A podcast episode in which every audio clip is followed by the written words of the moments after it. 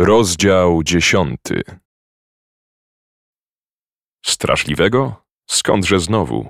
Nie strach, lecz dotkliwe rozczarowanie opanowało udręczone umysły dwóch mężczyzn, spoglądających z niesmakiem na architektonicznego potworka. Budyneczek nie imponował ani rozmachem, ani kunsztem wykonania. Oparty na planie koła, przeszklony, wszystkie szyby zamalowano czarną farbą, o spiczastym dachu mającym chyba wywoływać skojarzenia z bajkową estetyką, niegdyś służyć mógł właściwie nie wiadomo czemu. Latem w jego wnętrzu musiało być nieznośnie gorąco, natomiast zimą wielkie szklane powierzchnie zapewne stanowiły kiepską izolację. Nie do końca tego się spodziewałem, wydusił z siebie Mikołaj po dłuższej chwili. To nic, skwitował niepewnie król w żółci. Najważniejsze jest to, co znajdziemy w środku. Chodź, szybko! Podbiegł do dwuskrzydłowych, przeszklonych, a jakże, drzwi i pchnął je energicznie. Ustąpiły bez sprzeciwu, nie wydając nawet strzewi zawiasów jednego pisku skargi. Dbano o stan mauzoleum. Chodź, powtórzył na zachętę żółty. Nie, rzekł niespodziewanie Mikołaj. Nie da się wierzyć, wiedząc. O czym ty bredzisz?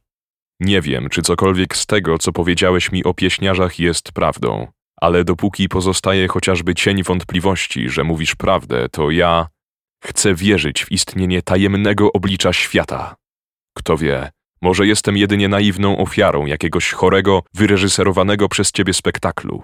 Nie dbam o to. Wiem tylko, że jeśli przekroczę próg mauzoleum, to zyskam pewność. Nie będę musiał wierzyć, skoro będę wiedział, rozumiesz? Tak. Muszę wracać, królów żółci. Muszę natychmiast wracać. Do domu. Jeśli znowu się spotkamy, to na pewno opowiesz mi, co widziałeś i co odnalazłeś w mauzoleum. Czuję, że lada chwila ulegnę pokusie, a wtedy wejdę tam razem z tobą. Masz, weź to wszystko. Rzekłszy to, Mikołaj dobył maczety i rzucił ją pod nogi przyjaciela. Podobnie uczynił z rewolwerem i pałką teleskopową, odrzucił nawet latarkę. Na koniec cisnął też płaszczem, który zafurkotał donośnie w powietrzu, nim zawisł na pobliskim krzewie. Król w żółci nic na to nie odparł, jedynie zbliżył się do religioznawcy, wznosząc ku niemu prawicę. Powodzenia, Mikołaju. Powodzenia, król w żółci. Do zobaczenia. Mężczyźni wymienili uściski dłoni, spozierając sobie wzajemnie w ślepia.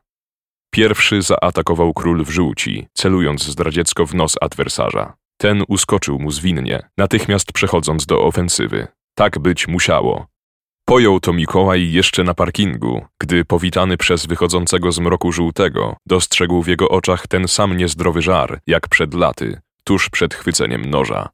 Religioznawca, przeczuwając, że każdy metr przybliżający ich ku mauzoleum potęgował zarazem psychozę towarzysza, wcześniej już myślał o ucieczce. Ale pomimo tej ogłuszającej syreny alarmowej wyjącej pod kościaną kopułą, brnął dalej, trawiony przez dziecięcą niemalże ciekawość. Przez te wszystkie lata napędzała go do działania, prowadziła coraz głębiej i głębiej, porówno ku światłu i w mrok, aż do korzeni ludzkiej jaźni. I teraz, gdy nareszcie stanął u progu tajemnicy, postanowił zawrócić nie ze strachu, lecz właśnie, aby nadal być ciekawym. Inaczej rzecz się miała z królem w żółci. On zawsze musiał wiedzieć na pewno. Ciało zranione musiało krwawić. Nie istniała żadna alternatywa. Nie domknąć furtki znaczyło dla niego pozostawić bestiom drogę do siebie. Nie mógł przeto ani Mikołaj progu przekroczyć, ani król w żółci pozwolić przyjacielowi zawrócić u mety. Natarli na siebie z furią już nie dwaj mężczyźni, lecz idee. Religioznawca, chroniony pancerzem motorowej zbroi, markował ciosy, unikając dłuższych zwarć, do czego z kolei dążył ogarnięty furią monarcha. Krwią broczyły ich wargi, juchą spływały młoty pięści, napuchły facjaty zacięte. Ledwie na oczy widząc, zwarci w żwawym tańcu mordobicia, runęli wespół na jedną ze szklanych ścian. Zwaliwszy się przez ten nagle powstały oczodół do wnętrza mauzoleum, oprzytomnieli na moment. Mikołaj, cóż innego mógł uczynić nieszczęsny? Zawarł co prędzej powieki, wydając się tym samym zupełnie na pastwę triumfującego nieprzyjaciela. Ten jednak nie spróbował otworzyć mu oczu, lecz podniósł przyjaciela z posadzki, wypchnął jakby na zewnątrz i syknął pożegnalnie: Idą, uciekaj. Mikołaj zaufał tym słowom.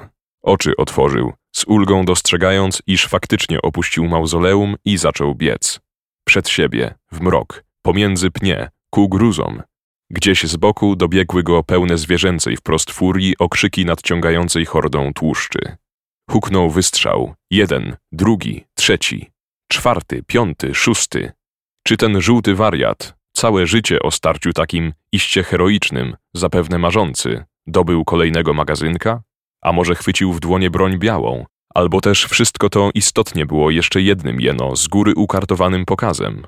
Szybko przestał o tym myśleć gnający co tchu Mikołaj. Zaniechawszy wszelkich, daremnych już przecie, środków ostrożności, przemknął przez rumowisko. Gładko przeskoczył resztki muru i wpadł w leśną gęstwinę. Gałęzie cięły mu twarz, płuca płonęły haniebnym sprzeciwem wobec morderczego trudu, a oczy poszukiwały w zdradliwym mroku bezpiecznego szlaku pomiędzy pniami. Ile tak pędził? Któż to wie? Siedemnaście minut. Straciwszy zupełnie poczucie kierunku, szczęśliwym zbiegiem okoliczności unikając dotąd upadku, pruł dzielnie przed siebie Mikołaj, aż łbem trzasnął o niedostrzeżoną w porę gałąź. Legł na glebę, cudem tylko nie utraciwszy uprzednio przytomności. I tak to sobie leżąc na kobiercu ściółki, obolały, przyćmiony nieco na umyśle, pomyślał sobie dumny religioznawca, że zaniechawszy triumfu poznania nad tajemnicą, de facto zwyciężył. Zmrużył z ukontentowaniem ciążące powieki. Pysk rozwarł błogim ziewnięciem i zasnął. Chciałoby się rzec w ślad za poetą, tak zwycięzcę zwyciężył w końcu sen, brat śmierci. Cyklopowa architektura. Bo jakże inaczej można było określić styl? Bez problemu znalazłoby się kilka trafniejszych nazw, w jakim wykonano gigantyczny, opustoszały zigurat, po którym wędrował Mikołaj. Zarówno mijane gmachy, jak również ściany, masywne filary, a nawet sufity zdawały się urągać swym istnieniem prawom fizyki. Nachylone pod niezwykle ostrymi kątami powierzchnie, dawno już winny legnąć w gruzach pod własnym ciężarem, te zaś nie tylko trwały, lecz również dawały podporę kolejnym kondygnacjom. Równie niepokojący był też sam materiał użyty do wzniesienia tego bluźnierczego przybytku. Dziwna, zielonkawa skała sprawiała wrażenie wilgotnej, chociaż w dotyku pozostawała sucha niczym skóra gada. Religioznawca nie wiedział, co znajdowało się poza murami ziguratu, a pomimo tego był przekonany, iż była tam jedynie bezkresna pustynia, wypełniona popiołem i ostrymi niczym brzytwa ułomkami bladozielonych skał. Nie sposób też było pojąć, skąd brało się światło wyłaniające z przedwiecznych mroków kolejne, budzące jednaką grozę i zachwyt szczegóły. Nieboskłon, czarny jak wnętrze trzewi, nie mógł go zsyłać, a nawet gdyby jakimś niepojętym sposobem tak właśnie było, to jak mogłoby ono docierać do wnętrz pozbawionych okien budynków, które przemierzał wędrowiec? Czyżby on sam był źródłem owej jasności?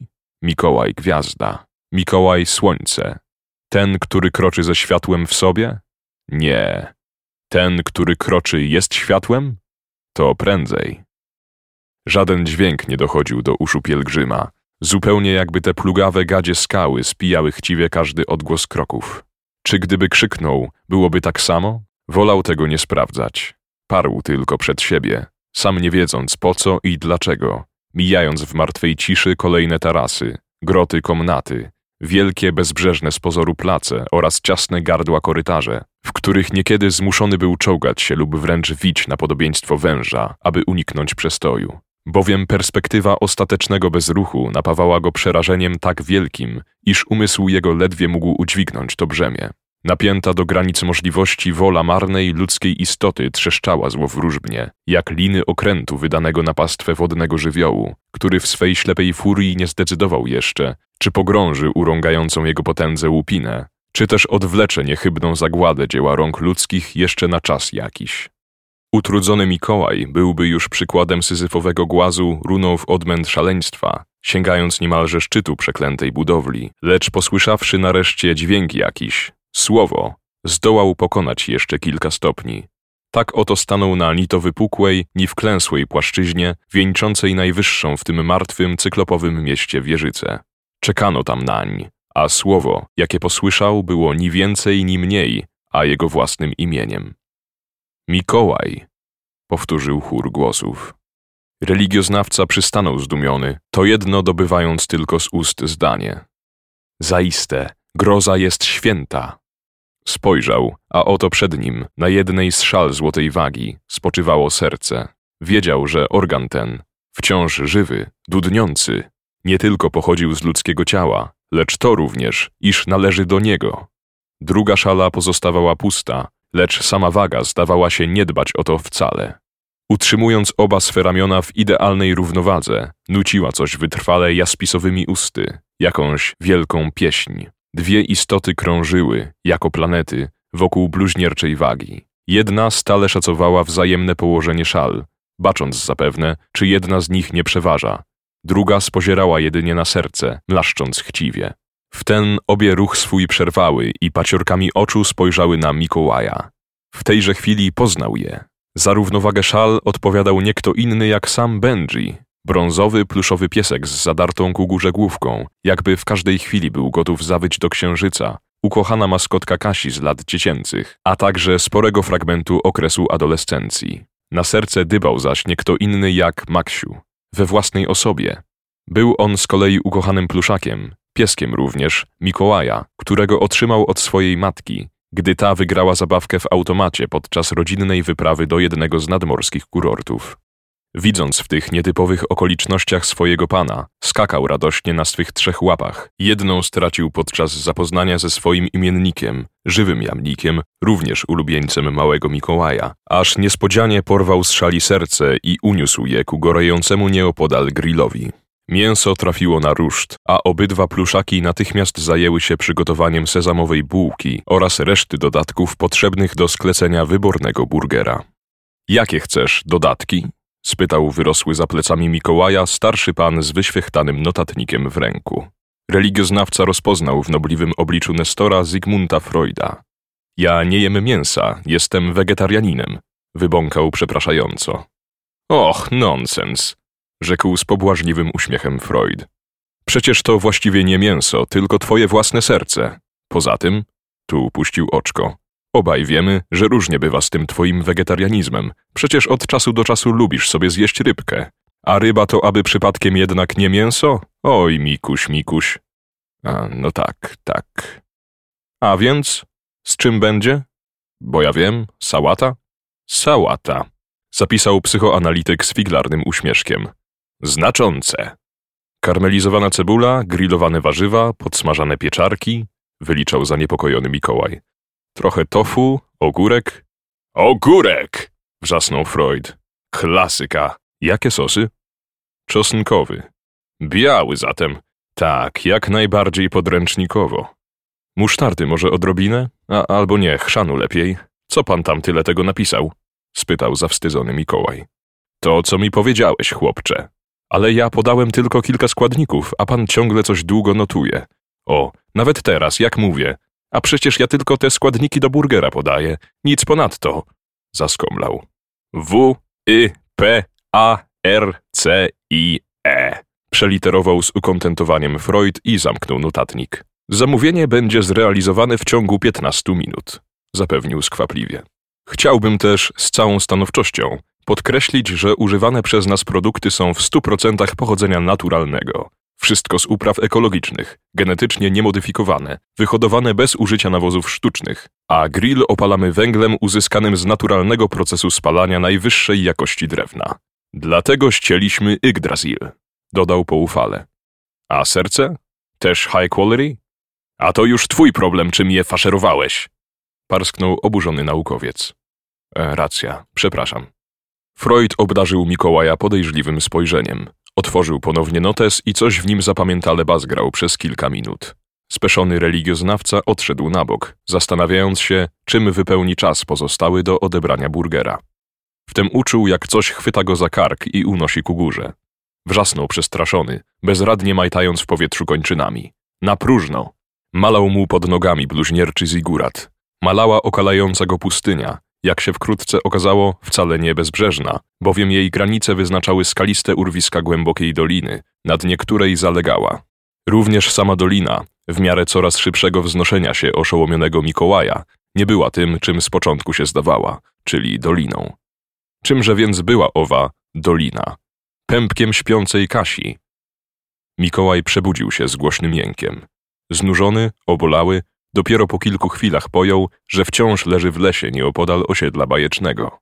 Świtało już, gdy religioznawca opuścił ów matecznik, rozpoczynając długą, haniebną tułaczkę powrotną. Do domu, do Kasi, w której pępku leży świat cały.